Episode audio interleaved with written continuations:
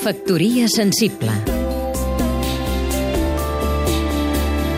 Daniel Giral Miracle, crític d'art Probablement, l'arquitectura és la disciplina que d'una manera més visible manifesta el canvi de paradigma que estem vivint en aquesta societat, que ha passat d'una manera accelerada de l'abundor a la precarietat. L'arquitectura que es va fer en la dècada dels 90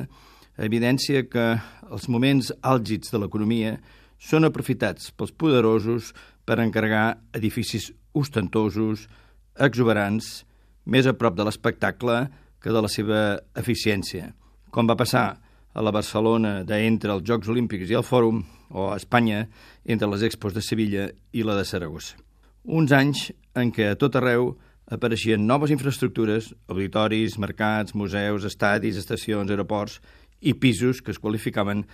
standing, que s'oblidaven de l'habitatge social perquè no era rendible. Conseqüència d'aquella manera de fer és que ara no es pot proporcionar casa a tots aquells que la necessiten. Per això s'està produint un canvi copernicà de manera que una nova generació d'arquitectes i constructors comença a projectar habitatges dignes, accessibles i sostenibles. La paradoxa, però, és que ara, a Occident, que es consciencia de la funció social de l'arquitectura, el sud-est asiàtic aposta per l'ostentació arquitectònica i dona feina als arquitectes estrella amb aspiracions faraòniques. Factoria sensible Seguim-nos també a catradio.cat